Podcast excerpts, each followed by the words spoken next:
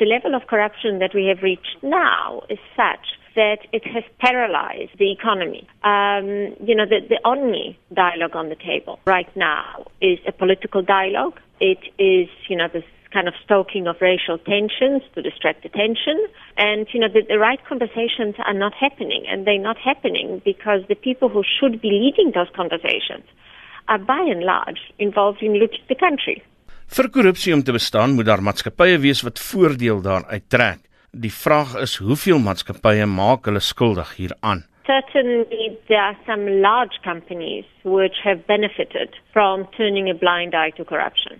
Small businesses are very seldom involved in corruption. So actually when one is talking about corruption, one is talking about, you know, the, the corporate South Africa we, we know. And we need more naming and shaming of companies that participate in corrupt mm. practices because that's the biggest deterrent. You know, if you actually look at what's happening to KPMG, it might not be hurting them, you know, financially just yet because certainly, you know, losing Signia account isn't it.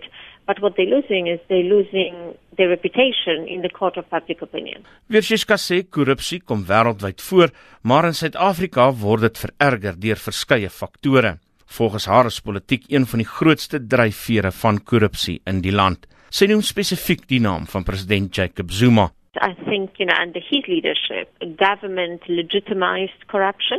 And unfortunately, as you know, because most people are driven by either greed or fear or a combination of both, you know, many companies were willing to then participate and play the game. I'm unashamed in saying I think that that political change at Polokwane was the pivotal moment when, you know, we moved from possibly small scale corruption to corruption as a way of doing business.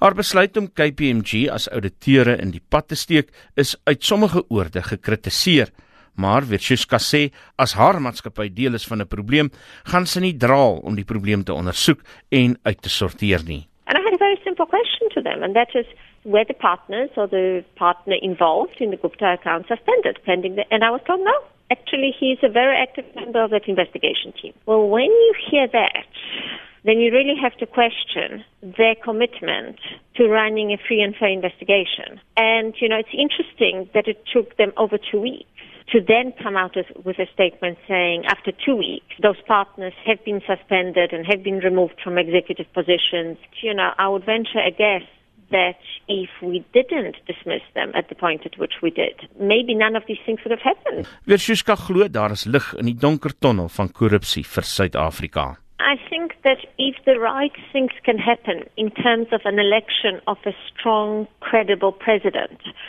who then can prioritize sound economic policies, education, job creation. We need strong boards of management at state owned enterprises. We need a strong Minister of Finance. We need an independent Reserve Bank. And you know, this is not rocket science.